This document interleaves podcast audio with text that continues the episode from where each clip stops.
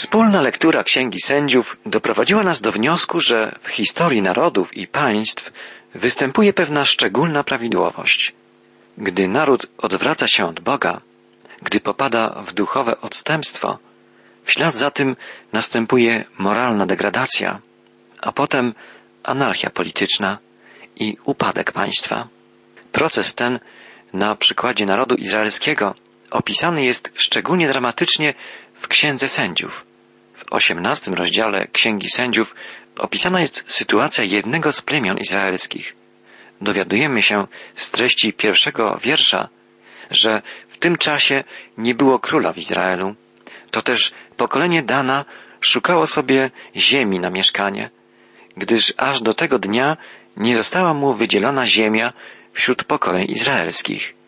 Mamy więc obraz zamieszania, braku organizacji, anarchii.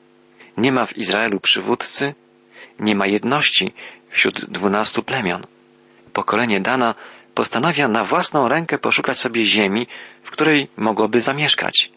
Wyprawili więc synowie Dana z granic swoich, z pokolenia swego pięciu mężów, mężów walecznych Sorea i Esztaol, aby przeszukiwali i badali ziemię. Rzekli do nich, idźcież, a przebadajcie ziemię. Przyszli więc na górę Efraima, aż do domu Miki i tam przenocowali.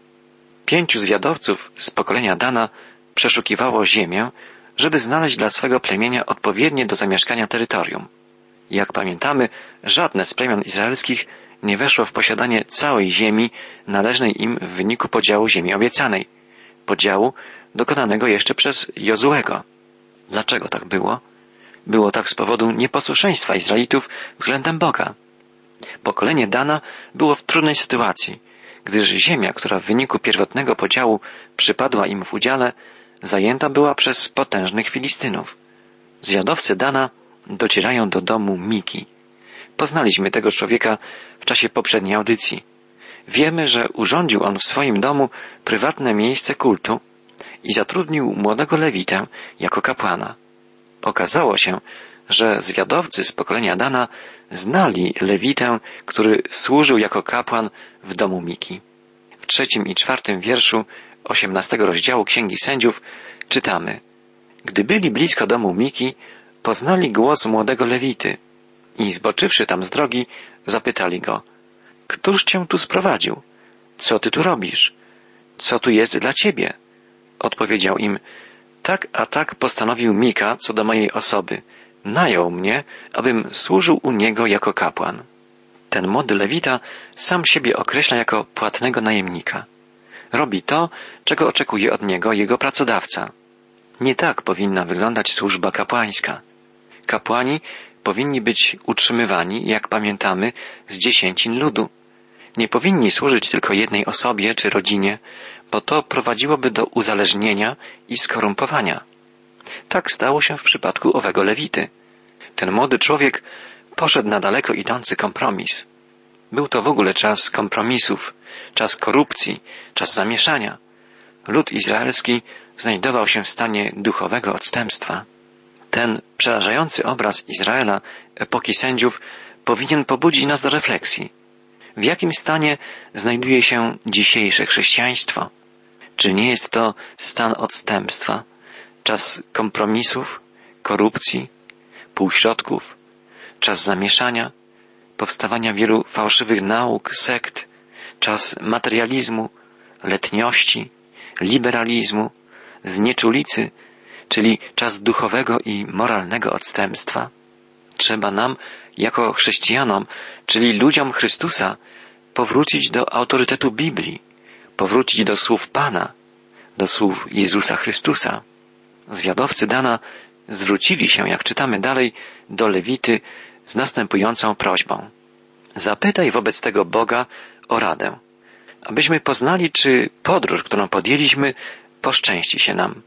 Idźcie w pokoju, odpowiedział im kapłan, gdyż podróż, którą podjęliście, jest pod opieką Pana. Zwiadowcy na pewno ucieszyli się, słysząc słowa Lewity. Powiedział im to, co pragnęli usłyszeć. Odeszli w przekonaniu, że ich działanie jest słuszne i że Pan jest z nimi.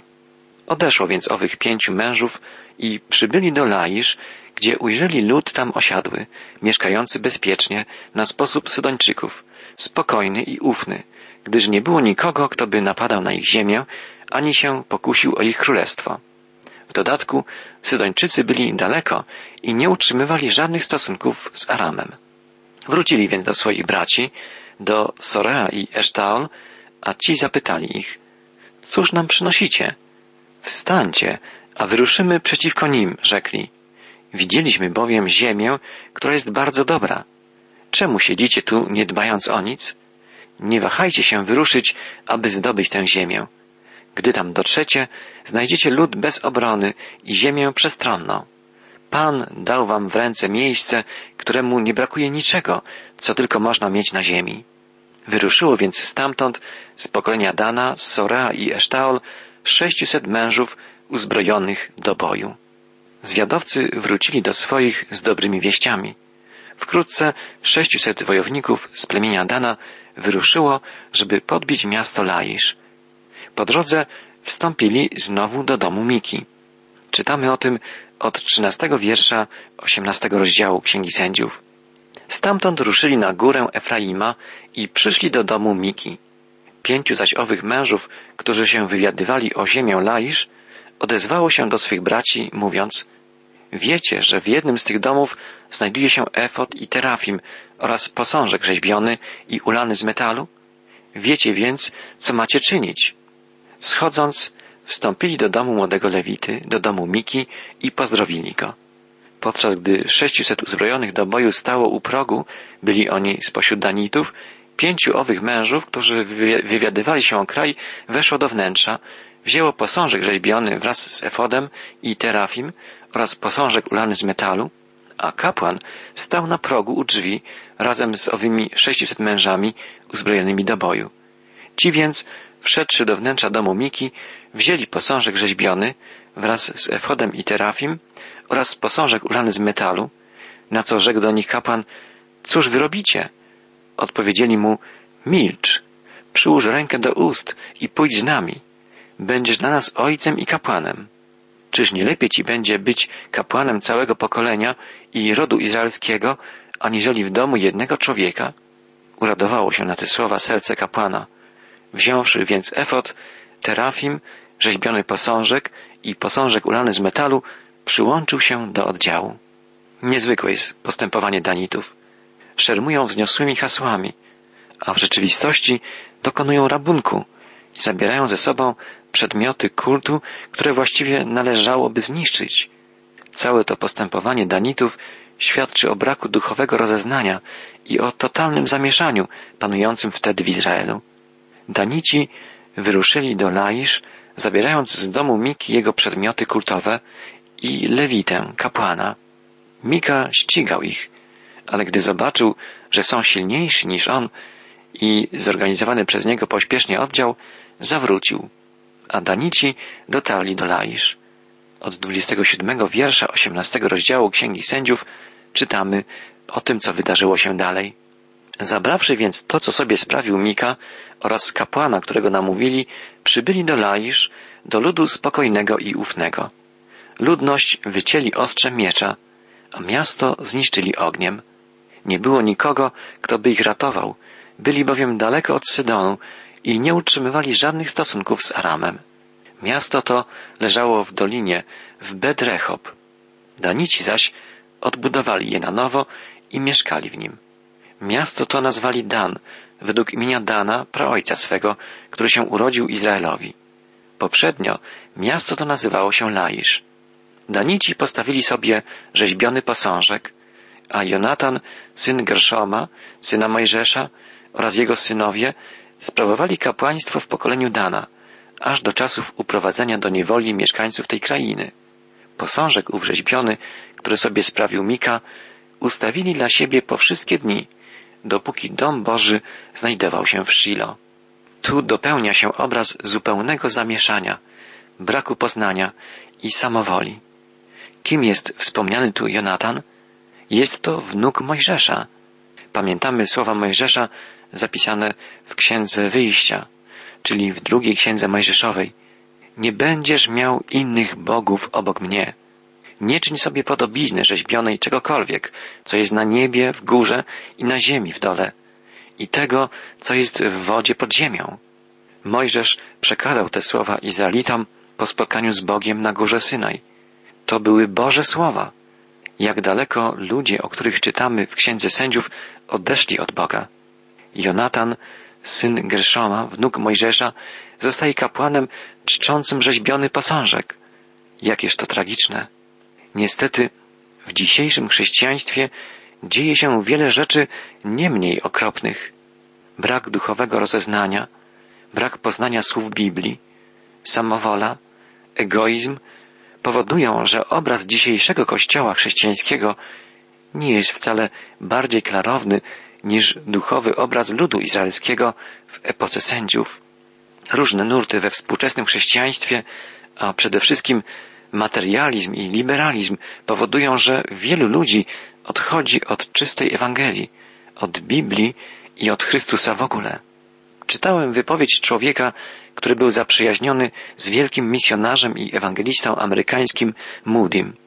Człowiek ten nie mógł zrozumieć tego, że jeden z synów Moody'ego został przywódcą bardzo liberalnego nurtu kościelnego, nurtu kwestionującego boskość Jezusa, negującego narodzenie się z dziewicy, prawdę zmartwychwstania. Tutaj widzimy wnuka Mojżesza, sprawującego niewłaściwą służbę kapłańską, oddającego cześć bożkowi wytopionemu ze srebra. Duchowe odstępstwo to straszna rzecz. Od niego rozpoczyna się upadek narodów. Widzimy to na przykładzie dziejów Izraela. Obserwujemy to także dzisiaj, niestety nie wykluczając naszego narodu. Kolejny fragment Księgi Sędziów ukazuje nam pełny obraz duchowego odstępstwa ludu izraelskiego. Odstępstwo duchowe to, jak zauważamy, pierwszy etap upadku narodu. Etap drugi to degradacja moralna. Następny, dziewiętnasty rozdział Księgi Sędziów opisuje właśnie stan moralności w Izraelu w tamtym czasie. Przeczytajmy początkowe wiersze dziewiętnastego rozdziału Księgi Sędziów. W owych dniach nie było wówczas króla w Izraelu, pewien mąż, Lewita, mieszkający u stóp góry Efraima, wziął sobie za żonę kobietę z Betlejem Judzkiego. Żona go zdradziła i udała się do domu swego ojca w Betlejem Judzkim. Tam przebywała przez cztery miesiące. Ten epizod daje nam wgląd w stan moralności ludu izraelskiego w tamtym czasie. Żona Lewity zdradza go i opuszcza, udając się do domu rodzinnego w Betlejem. Lewita ów wyrusza, by ją sprowadzić z powrotem. Zostaje przyjęty bardzo serdecznie przez jej ojca i spędza tam trzy dni, jedząc, pijąc i nocując tam. Czytamy dalej. Dnia czwartego wstali wcześnie i Lewita przygotowywał się do odjazdu. Ale ojciec owej młodej kobiety rzekł do swego zięcia – Posil się kawałkiem chleba, po czym wyruszysz. Gdy zasiedli do stołu i posilali się obaj razem i pili, ojciec młodej kobiety rzekł do męża. Zostań, proszę, jeszcze przez noc, a niech serce twoje się raduje. Gdy człowiek ten mimo to wstał, chcąc przecież wybrać się w drogę, teść przymusił go, także pozostał tam jeszcze jedną noc. Ta historia powtórzyła się, jak czytamy w następnych wierszach, jeszcze kilkakrotnie. Cały czas biesiadowano i rozweselano swoje serca, to znaczy raczono się winem. W końcu Lewita zabrał swoją żonę i udał się w drogę powrotną. Zatrzymał się w Gibei, miejscowości zamieszkałej przez potomków Beniamina. Na gościnę przyjął go pewien starszy człowiek.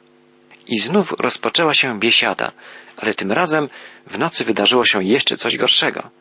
Czytamy w końcowym fragmencie dziewiętnastego rozdziału.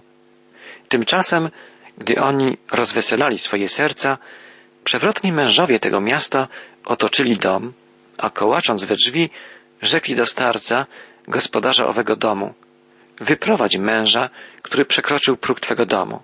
Chcemy z nim obcować.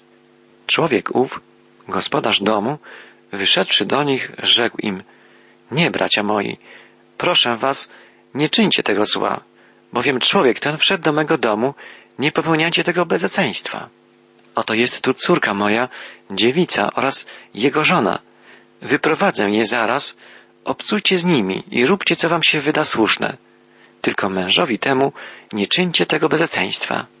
Widzimy, jak okropny jest stan moralności tych ludzi, należących przecież do ludu izraelskiego, a zachowujących się zupełnie jak poganie.